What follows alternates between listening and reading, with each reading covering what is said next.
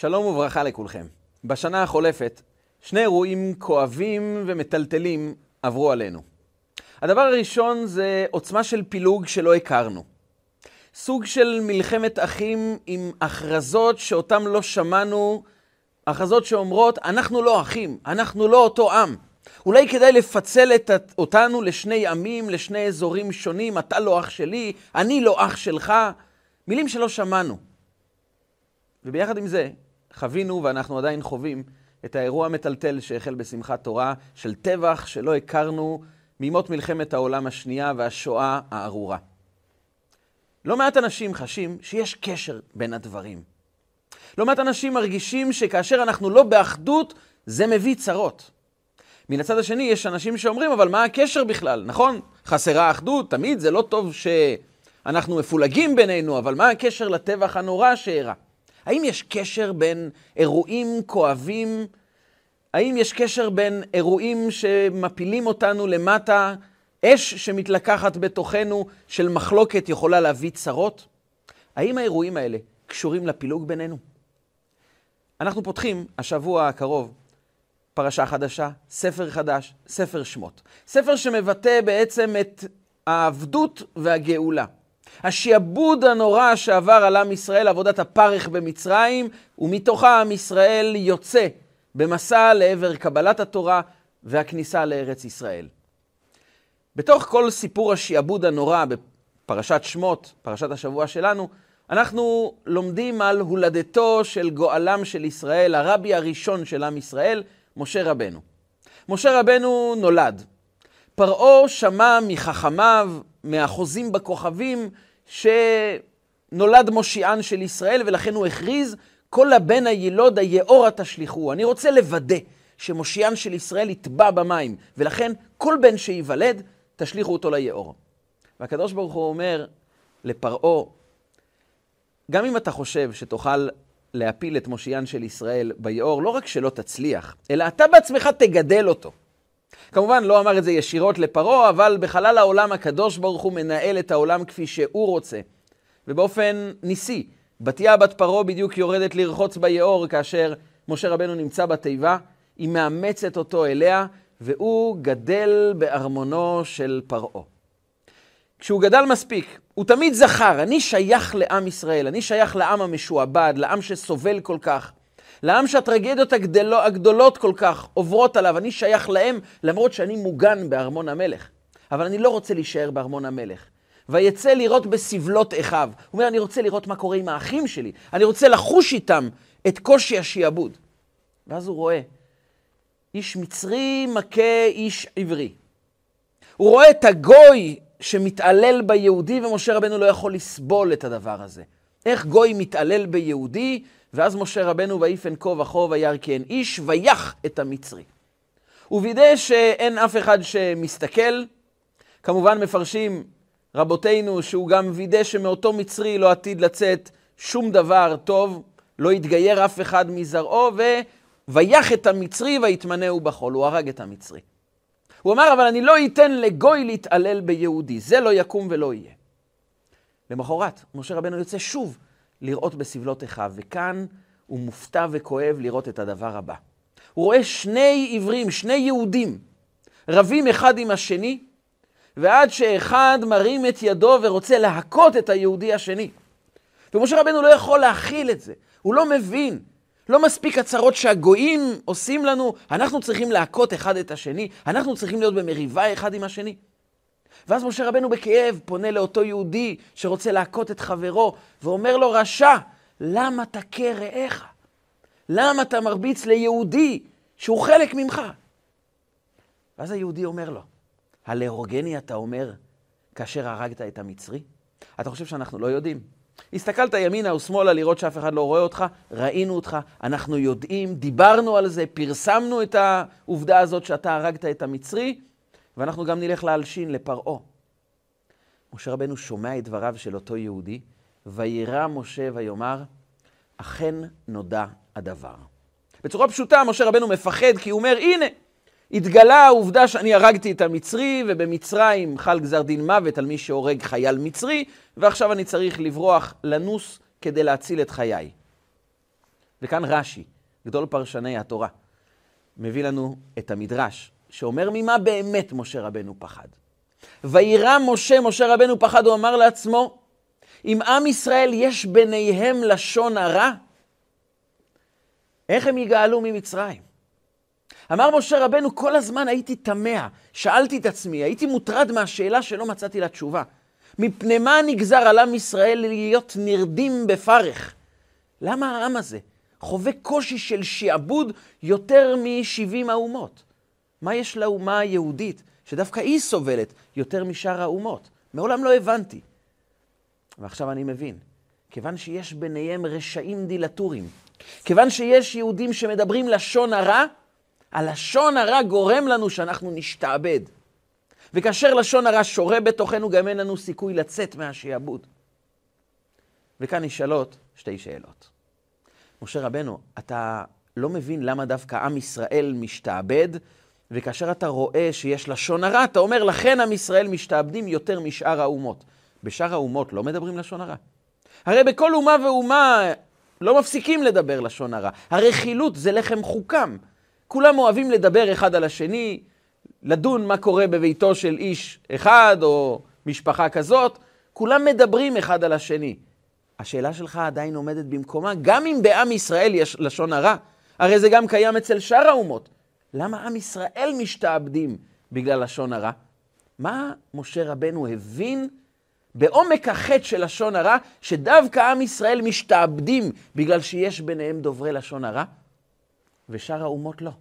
משה רבנו הבין תובנה פנימית, שאותה אנחנו צריכים להבין לעומק. אבל עוד שאלה. משה רבנו יודע שעם ישראל במצרים שקועים במ"ט שערי טומאה.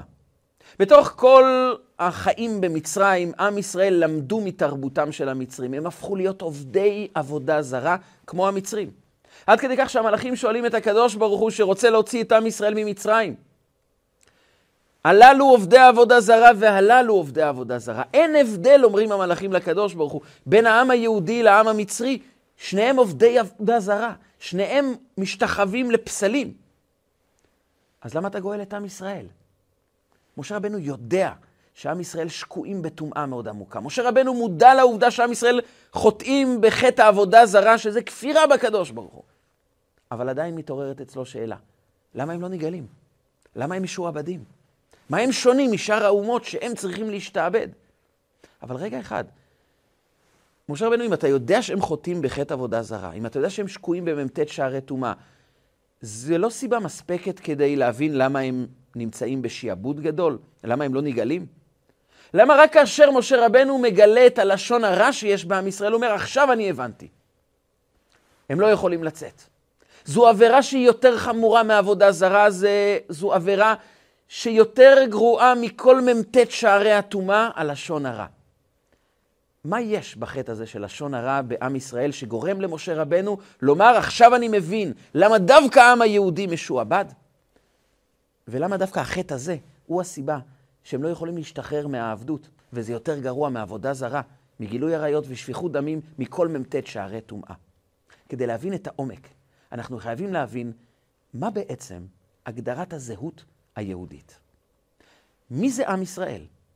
למה זה עם שכל כך שונאים אותו? למה זה עם שלא משנה איפה אנחנו נהיה, אנחנו תמיד נחווה סוג של אנטישמיות, שנאת יהודים, הסיבות מתחלפות, אבל סביב אותו עיקרון. שונאים יהודים לא משנה בגלל מה, אבל תמיד ישנאו אותם. זה נובע, זה מגיע בקשר ישיר עם העובדה שאנחנו עם ישראל עם ייחודיות. כפי שאמר בלעם, אין עם לבדד ישכון, ובגויים לא יתחשב. זה עם ייחודי. רק שנבין את סודו של עם ישראל, נוכל להבין בעצם מה קרה במצרים? מה משה רבנו הבין לעומק בתוך התובנה שהתגלתה לפניו? עם ישראל מדברים לשון הרע, וזה מביא שיעבוד. כדי להבין את עומק סודו של עם ישראל, רגע לפני שניכנס לזה, נבקש מכם. כדי שהמסר הזה יעבור לעוד אנשים, הרשמו כמנויים, תלחצו לייק, תכתבו תגובות. כל הרשמה כמנוי, לחיצת לייק, גורמת לשיעור להגיע לעוד יהודים שרוצים להבין מה זה עם ישראל, מה סוד כוחו של העם היהודי, איך אנחנו מונעים מחלוקות וצרות בתוכנו. אז רשמו כמנויים, לחצו לייק ואנחנו ממשיכים. סודו של העם היהודי. היה אחד מגדולי האדמו"רים בפולין, היה נקרא החוזה מלובלין. הוא נקרא החוזה מלובלין כיוון שהוא היה רואה למרחקים. הוא היה רואה דברים שאנשים רגילים לא היו רואים. יום אחד פנה החוזה מלובלין לחסידו ואמר לו, תשמע, במרחק של שבועיים נסיעה, במדינה אחרת, באזור רוסיה, יש יהודי שעומד למשפט. ואף אחד לא מעיד על העובדה שהוא אדם טוב, שהוא אדם ישר. אין לו מישהו שיעיד עדות אופי עבורו. אני מבקש ממך, לך תעיד עדות אופי שהאדם הזה הוא זך וישר, נאמן, ואפשר לסמוך עליו במאה אחוז. לך תעיד עליו בבית המשפט. כמובן, החסיד לא שואל שאלות, לא אומר, אבל אני לא מכיר אותו בכלל, פעם ראשונה שבכלל אני אדרוך במקום הזה. החסיד, כמצוות רבו, החוזה מלובלין הקדוש, יוצא לדרך ומגיע לאותה עיירה אחרי מספר ימים של נסיעה. הוא מגיע למזכירות בית המשפט ואומר, אני רוצה להעיד עדות אופי על היהודי הזה שהוא ישר ונאמן. מכניסים אותו לעולם הדיונים, והשופט שואל אותו מספר שאלות, ומיד מאוד מהר הוא מגלה, היהודי הזה בכלל לא מכיר את האדם שעומד למשפט. השופט התעצבן מאוד. השופט מסתכל על היהודי ואומר, לכמה שנים אני הולך להשליך לכלא את השקרן הגדול הזה? היהודי לא נבהל. היהודי שמח על כוחו של רבו החוזה מלובלין, ואז השופט לפתע שינה את המבט, מסתכל על אותו יהודי ואומר לו, תקשיב טוב, יש לי שאלה לשאול אותך. אם אתה עונה על השאלה הזו, אני משחרר אותך ואת החבר שלך, שעכשיו גילינו שאתה בכלל לא מכיר אותו. אבל אני משחרר את שתיכם. אבל אם אתה לא תענה לי על השאלה, אני אשלח אתכם לשנים רבות לכלא. אמר לו, בסדר גמור, מה השאלה? אומר לו, תגיד, מסכת בבא מציע בתלמוד למדת? היהודי מופתע לחלוטין, מסתכל על השופט, אומר לו, למדתי. הוא אומר לו, בגמרא במסכת בבא מציע דף קי"ד, יש שם אמרה של רבי שמעון בר יוחאי, שאני מוכרח להבין. דרש רבי שמעון בר יוחאי על הפסוק שמובא בתנ"ך, ואתן צוני צאן מרעיתי אדם אתם. אומר הקדוש ברוך הוא, אתם הצאן שלי. צאן מרעיתי אדם אתם. דרש רבי שמעון בר יוחאי. מה זה אדם אתם? אתם קרואים אדם, ואין אומות העולם קרואים אדם. שואל אותו השופט, תגיד, אתה יכול להסביר לי כזה דבר? אני לא אדם? רק אתם אדם? אומות העולם לא נקראים אדם? אומר לו היהודי, ודאי, אתם לא אדם. אתם בני אדם, אבל לא אדם. שופט מופתע, אומר לו, אבל מה ההבדל בין אדם לבן אדם? הוא אומר לו, זה מאוד פשוט. תגיד לי, אני רוצה לשאול אותך שאלה, כבוד השופט. אם אתה שומע שכעת במדינה סמוכה, נניח בפולין, יש מישהו שנכנס למשפט ואין מי שיעיד עבורו עדות אופי, אתה תיסע לשם להעיד עדות אופי אם אתה לא מכיר אותו? הוא אומר לו, למה שאני אלך למקום אחר, למדינה אחרת, להעיד עדות אופי על בן אדם שאני לא מכיר? איך אני אעשה כזה דבר? בחיים לא. אומר לו היהודי, אז שאלת את עצמך, מה מביא אותי מפולין לרוסיה להעיד עדות אופי על אדם שאני בכלל לא מכיר אותו? הוא אומר לו, באמת זו שאלה גדולה. למה אתה עושה את זה? הוא אומר לו, זה בדיוק הסיפור. זה בגלל שאנחנו אדם ולא בני אדם. זה בגלל דרשתו של רבי שמעון בר יוחאי, עכשיו אתה מבין? אומר לו, לא הבנתי איך זה קשור אחד לשני. אתה מעיד עדות אופי על אדם שאתה לא מכיר, וזה קשור לזה שרבי שמעון בר יוחאי אומר שאומות העולם לא קרואים אדם? הוא אומר לו, זה מאוד פשוט. אדם זה מילה מאוד מיוחדת בלשון הקודש. תנסה לומר אדם בלשון רבים. איך אומרים? לא אומרים. אין אדם בלשון רבים. אתה יודע למה? כי אדם זה יחידה אחת שאי אפשר להפריד אותה לחלקים. היא לא מורכבת מפרטים מיחידה אחת. זה כמו אדם אחד. באדם יש המון איברים, אבל כולם שייכים למסגרת חיים אחת. רוח חיים אחת מפעמת בכל האיברים, מה שהופך ריבוי של איברים, רמ"ח איברים ושסה גידים, לאדם אחד. למרות שזה הרבה פרטים, הם לא פרטים נפרדים, הם כולם, כולם חלק ממכלול אחד שנקרא אדם, וזה העם היהודי. לעומת זאת, אומות העולם הם לא אדם, הם בני אדם. כלומר, הם אנשים פרטיים, שמשהו קושר אותם יחד. תשאל את עצמך, כבוד השופט, מה הופך את העם הרוסי לעם? מה הופך את האנגלים לעם? כל אדם הוא אדם לעצמו. אבל כאשר יש להם, למקבץ של אנשים, אינטרס משותף, יש להם חבל ארץ משותף שבהם הם גרים. אז אם הם גרים על אותה אדמה ויש להם אינטרסים משותפים, הם דוברים את אותה שפה ויש להם גם מערכת חוקים שמאגדת אותם יחד, זה הופך אותם לעם. כלומר, התנאים החיצוניים הופכים את האנשים הבודדים כל אחד לעצמו למסגרת אחת שנקראת עם. אבל במהותם, במהותכם, אתם אנשים בודדים, כל אדם לעצמו. רק המסגרת החיצונית הופכת אתכם לעם. ומה יקרה אם אנגלי יחליט שהוא רוצה להיות צרפתי? הוא עוזב את uh, אנגליה ועובר לגור בצרפת, משנה את שמו, מתחיל להיכנס לתוך עולם התרבות הצרפתי, דובר צרפתית, חי במקום אחר, ביטל את האזרחות הבריטית שלו והפך להיות צרפתי. באותם רגעים הוא הפך להיות עם אחר.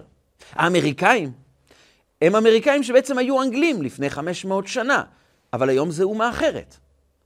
אבל העם היהודי זה לא ככה. העם היהודי, תסתכל כמה מפליא זה. כשיהודי באירופה שומע שבצפון אפריקה רצחו יהודי, הוא לוקח את זה אישי שרצחו את האח שלו. אבל איך זה הגיוני? הרי באלפיים שנים האחרונות היהודי התימני לא נפגש לא הוא, לא אבותיו, לא אבות אבותיו באלפיים השנים האחרונות עם היהודי שגדל בפולין או בגרמניה. והם מרגישים אחים. איך זה יכול להיות? מה מביא אותי מפולין להעיד עדות אופי על יהודי שאני בכלל לא מכיר אותו? התשובה היא, אנחנו לא אנשים בודדים שמערכת מסוימת קשרה אותנו יחד. זה לא בגלל שאנחנו חיים באותו חבל ארץ ויש לנו גם שפה משותפת, תרבות משותפת שהופכת אותנו לעם. להפך, היהודי מצפון אפריקה או מתימן תרבותית הוא מאוד שונה מהיהודי שגדל באירופה. הם לא דוברים את אותה שפה, הם לא חיים באותו מקום, הם מאוד שונים כמעט בכל תחום. הם לא דומים אחד לשני, אבל יש משהו אחד שקושר ביניהם. הם קשורים לאותה נשמה. אותו רוח חיים אלוקי, קדוש, מפעם בתוכם. הזהות הפנימית שלהם היא רוח אלוקים ששורה בתוכם. הזהות היהודית היא בעצם נשמה אלוקית שקיימת בכל אחד ואחד מעם ישראל, לא משנה איפה הוא יגור, לא משנה איזה מערכת חוקים, באיזה מדינה הוא נמצא, מה האינטרסים שלו, איזה ספרים הוא קורא ומה הוא מעריץ כתרבות. הנשמה שבו היא אותה נשמה שקיימת אצל יהודי אחר. ולכן, אנחנו בעצם אדם אחד, אי אפשר להפריד בינינו, כי גם אם תיקח את כל המפרידים שקיימים, זה תמיד יפגע רק בחלקים החיצוניים של עם ישראל. במהות, עם ישראל זה עם אחד. ולכן גם אם תפזר את העם הזה לכל קצוות תבל, וכל אחד ידבר שפה אחרת, יגור במדינה אחרת, יהיה לו אינטרסים שונים לגמרי, הם עדיין יהיו עם אחד. ולכן אני בא להעיד עדות אופי עבור האדם הזה, בדיוק בגלל רבי שמעון בר יוחאי, שאומר, אתם קרואים אדם ואין אומות העולם קרואים אדם. אצל אומות העולם הם בודדים. ואם הם יחליטו להפוך להיות עם אחר, אין בזה שום בעיה. אם המחלוקות יצוצו בתוכם, אז מקסימום כל אחד חזר לחיות את החיים הפרטיים שלו. כל אחד חוזר בכל אופן בסוף היום הביתה ואומר, זה החיים שלי, מה הקשר ביני לבין השכן, מלבד האינטרס הלאומי המשותף. אני חי לעצמי. אנחנו לא חיים לעצמנו. אנחנו חיים יחד עם כל יהודי. כי רבי שמעון בר יוחאי דרש עוד דרשה, שכדאי שתדע, כבוד השופט. הוא אמר את הדבר הבא: עם ישראל, כולם נמצאים בספינה אחת. בספינה אחת, אף אחד לא יכול לומר, אני קודח חור בקרקעית הספינה בחדר שלי שאני קניתי, שאני שכרתי. אני עושה מה שאני רוצה בחדר שלי. כמובן יבואו אליו כל מי שנמצא על הספינה ויאמרו לו, אתה לא יכול לעשות מה שאתה רוצה, כי אתה חלק מאיתנו ואנחנו חלק ממך. כשאתה פוגע בספינה, בחדר שלך, אתה פוגע בכל הספינה. כשאתה מועיל לספינה, אתה מועיל לכולנו. כל מצווה שיהודי עושה, הוא תמך בעם בכללותו בכל מקום שהם נמצאים. כשאדם חוטא, כשאדם פוגע, הוא פוגע בכל העם, כי אנחנו זהות אחת, שאנחנו איש אחד. על זה אמר רש"י, כאשר עם ישראל חנו בהר סיני, ויחן שם ישראל כנגד ההר. מלמד אותנו רש"י, זה מגיע מהמדרש, כאיש אחד בלב אחד. שמת לב לניסוח? כאיש אחד ובלב אחד. מה זה כאיש אחד בלב אחד? איש זה מציאות, לב זה אינטרסים, לב זה רצון. מכיוון שאנחנו איש אחד, במעמד הר סיני פתאום חשנו שאנחנו אולי בגוף שונים ומשונים. אבל במהות אנחנו בעצם אדם אחד. זה כמו גוף שיש בו הרבה איברים שונים. השערות זה לא הידיים, והרגליים זה לא הריאות, והלב והמעיים שונים. אבל כולם קשורים למערכת חיים אחת. ויחן שם ישראל כאיש אחד. ואז גם בלב אחד, אז גם הרצון שלנו הוא להיות ביחד. אז גם האינטרסים שלנו הופכים להיות משותפים. אבל האינטרסים לא אלה הם שהופכים אותנו לאדם אחד, כמו אצל האנגלים או הרוסים, השוויצרים או ההודים. לא האינטרסים הופכים אותנו לעם אחד, אלא היותנו לעם אחד מכיוון שאנחנו איש אחד. לכן גם האינטרסים שלנו משותפים כאיש אחד, בלב אחד. ולכן, כאשר מצרים רודפים אחרי בני ישראל ביציאת מצרים, הם מבקשים להחזיר את העם היהודי למצרים ולהמשיך לשעבד אותם. כתוב, והנה מצרים נוסע אחריהם. אומר לנו רש"י, למה כתוב מצרים נוסע בלשון יחיד? מצרים נוסעים אחריהם. אומר לנו רש"י, זה מאוד פשוט. מצרים נסעו בלב אחד כאיש אחד. עכשיו אתה מבין, כבוד השופט, למה הוא שינה? הוא אמר בלב אחד כאיש אחד? כי המצרים במהותם כל אדם הוא לעצמו. כל אחד הוא בודד. אבל כשיש להם לב אחד, כשיש להם אינטרס משותף, הם הופכים להיות עם אחד, בלב אחד, כאיש אחד. וזה ההבדל המהותי בין מצרים לעם ישראל.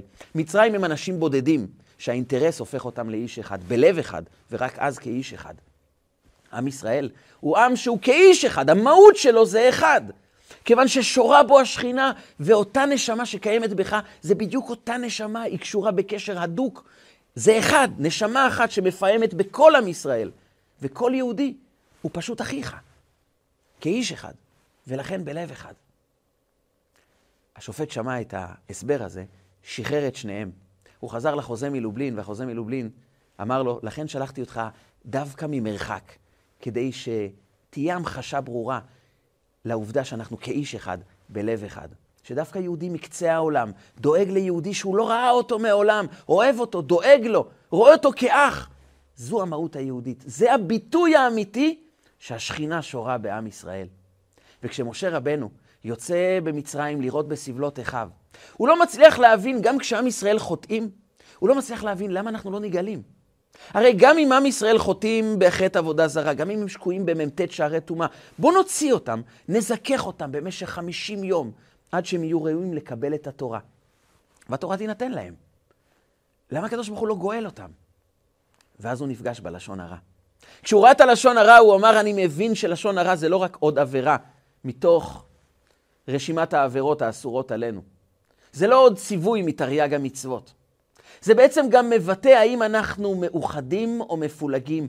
אבל הבעיה בלשון הרע זה לא רק המילים הלא טובות, זה בעצם העובדה שאנחנו מקבעים פילוג בינינו.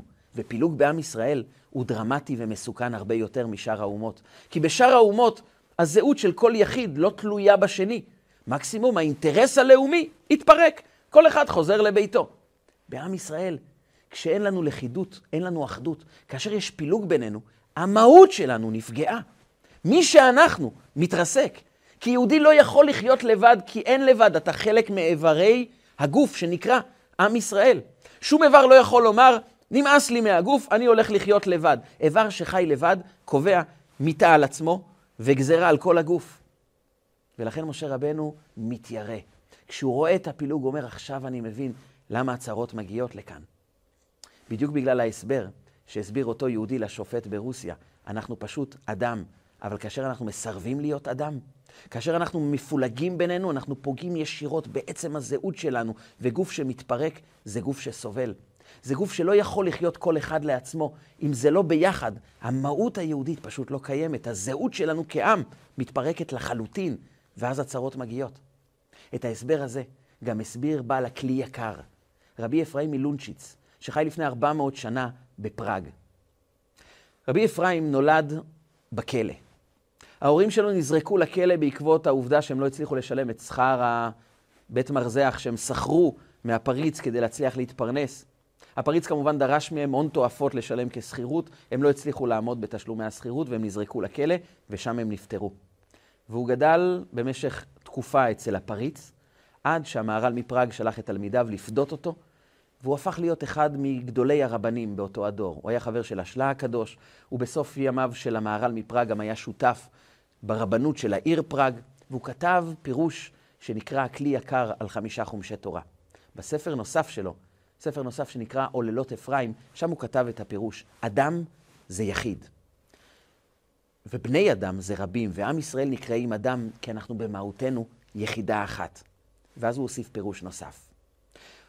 הוא שאל את השאלה הבאה, משה רבנו שמקבל את ההתגלות האלוקית בפרשת השבוע, פרשת שמות. איפה הקדוש ברוך הוא בוחר להתגלות למשה רבנו? בסנה.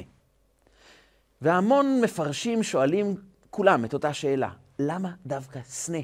למה שיח קוצני, נמוך, שפל, חסר ערך? למה שם הקדוש ברוך הוא מתגלה?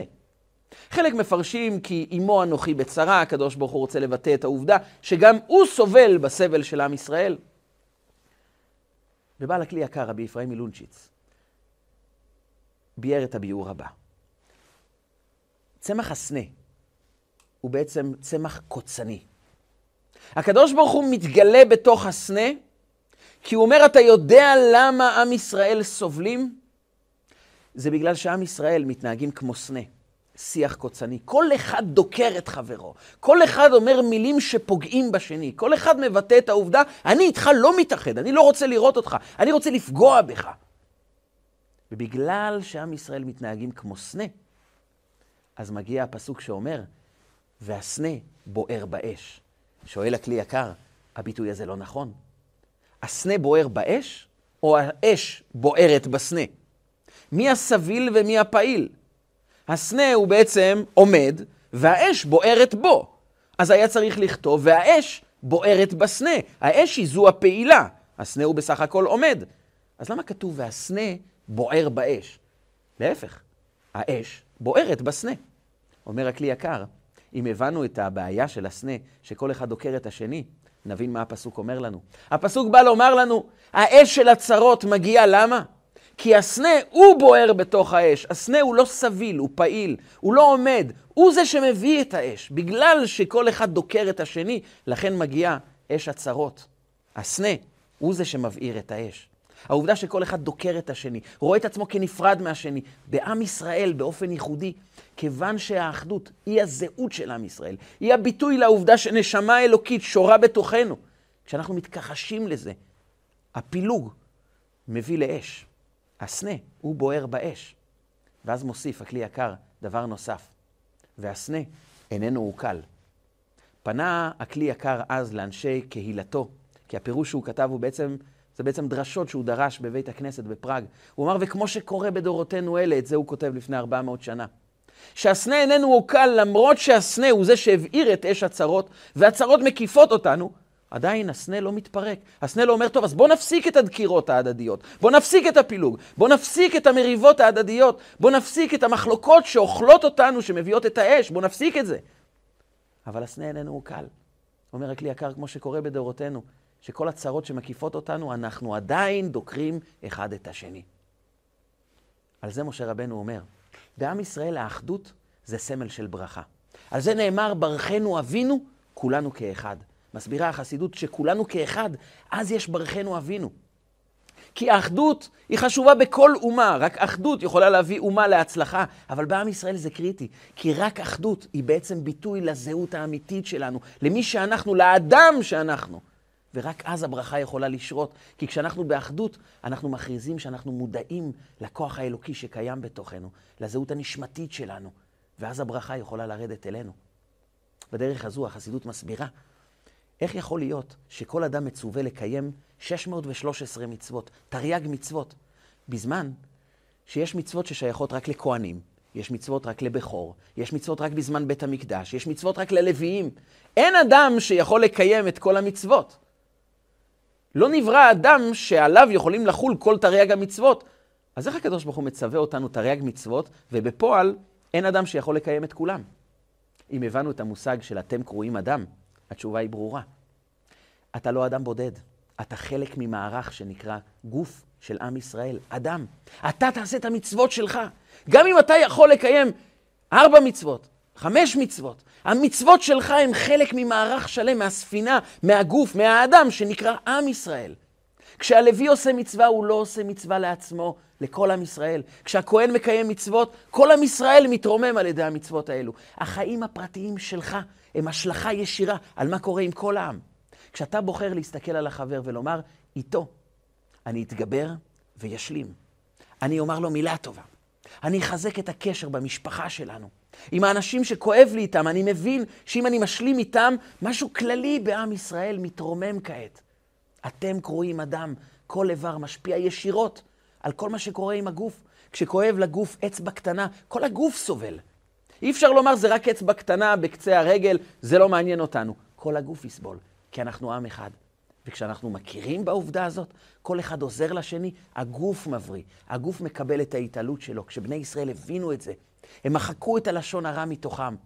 הם זכרו שכוחנו באחדותנו זה לא משפט חלול, זה בעצם ביטוי לזהות היהודית, ביטוי למי שאנחנו באמת. אז עם ישראל זכו להיגאל כי כאיש אחד, בלב אחד, אז אנחנו יוצאים החוצה מעבדות לחירות. היה פעם יהודי אחד שלקח את המרכבה שלו הקטנה עם שני סוסים די זקנים וצעד ביער. בדרך הוא ראה פריץ עם מרכבה הדורה, עם ארבע סוסים אבירים שפשוט שקעו בבוץ הרוסי, ביער, שקעו עמוק והוא לא הצליח לחלץ את הכרכרה שלו. כשהוא ראה את היהודי, הוא אמר ליהודי, אה, עגלון יהודי, אולי תעזור לי להוציא את העגלה. אמר לו יהודי, בשמחה. רק אה, אני אבקש ממך, תקשור ביחד איתי את המרכבה שלך לסוסים שלי, כי הסוסים שלי יחלצו את הכרכרה שלך, כי הסוסים שלך לא מספיק טובים. הפריץ נפגע לחלוטין, הפ... הסוסים שלי לא טובים, תראה איך נראה, נראים הסוסים שלך. סוסים זקנים, עוד רגע הם הולכים לצאת מהעולם הזה. הסוסים שלי הם אבירים, כל אחד קניתי בהון תועפות. את הראשון קניתי בווינה, באוסטריה, סוס אביר, חזק. את הסוס השני קניתי בגרמניה, הוא גם סוס אביר מגזע מאוד מיוחד. סוס אחר, הזמנתי אותו בהזמנה מיוחדת מהונגריה, והוא הגיע אליי. הסוסים האלה הם סוסים אבירים חזקים, איך אתה מזלזל בהם? הוא אמר לו, בוא נוציא אותך מהבוץ ואחר כך נדבר. קשרו את העגלה לסוסים של היהודי, הצלפה אחת, שניהם דהרו, חילצו את הכרכרה מהבוץ. הפריץ היה בהלם. הוא שאל את היהודי, תגיד, איך יכול להיות שהסוסים הכחושים שלך הצליחו להוציא את הכרכרה שלי, מה שלא הצליחו הסוסים האבירים שקניתי בהון תועפות? מה הסוד? הוא אמר לו, הסוד נמצא במה שאתה אמרת לפני כן. יש לך סוסים אבירים, אבל כל אחד נולד במקום אחר. הגרמני לא מכיר את האוסטרי, והאוסטרי לא מכיר את ההונגרי. הם כולם נפרדים, וכשאתה מצליף בסוס אחד, את הסוס השני זה פשוט לא מעניין. אז הוא לא רואה לעצמו צורך להוציא אותך מהבוץ, כי השני חטף, השני יסתדר לבד. הסוסים שלי הם חלשים, אבל הם נולדו לאותה אימא. הם גדלו יחד. כשאחד מקבל הצלפה, השני מרגיש שהוא קיבל את המכה. ועם כל הכוח, שניהם מזנקים ומצליחים להוציא אותך מהבוץ. כי מה שמוציא מהבוץ זה לא הגבורה של הסוסים, אלא האכפתיות אחד מהשני. אם נהיה ביחד, אם נרגיש את העובדה שעם ישראל הוא נשמה אחת, כאיש אחד, בלב אחד, נזכה לצאת מהבוץ, מגלות לגאולה שלמה, עם משיח צדקנו, במהרה בימינו, אמן ואמן.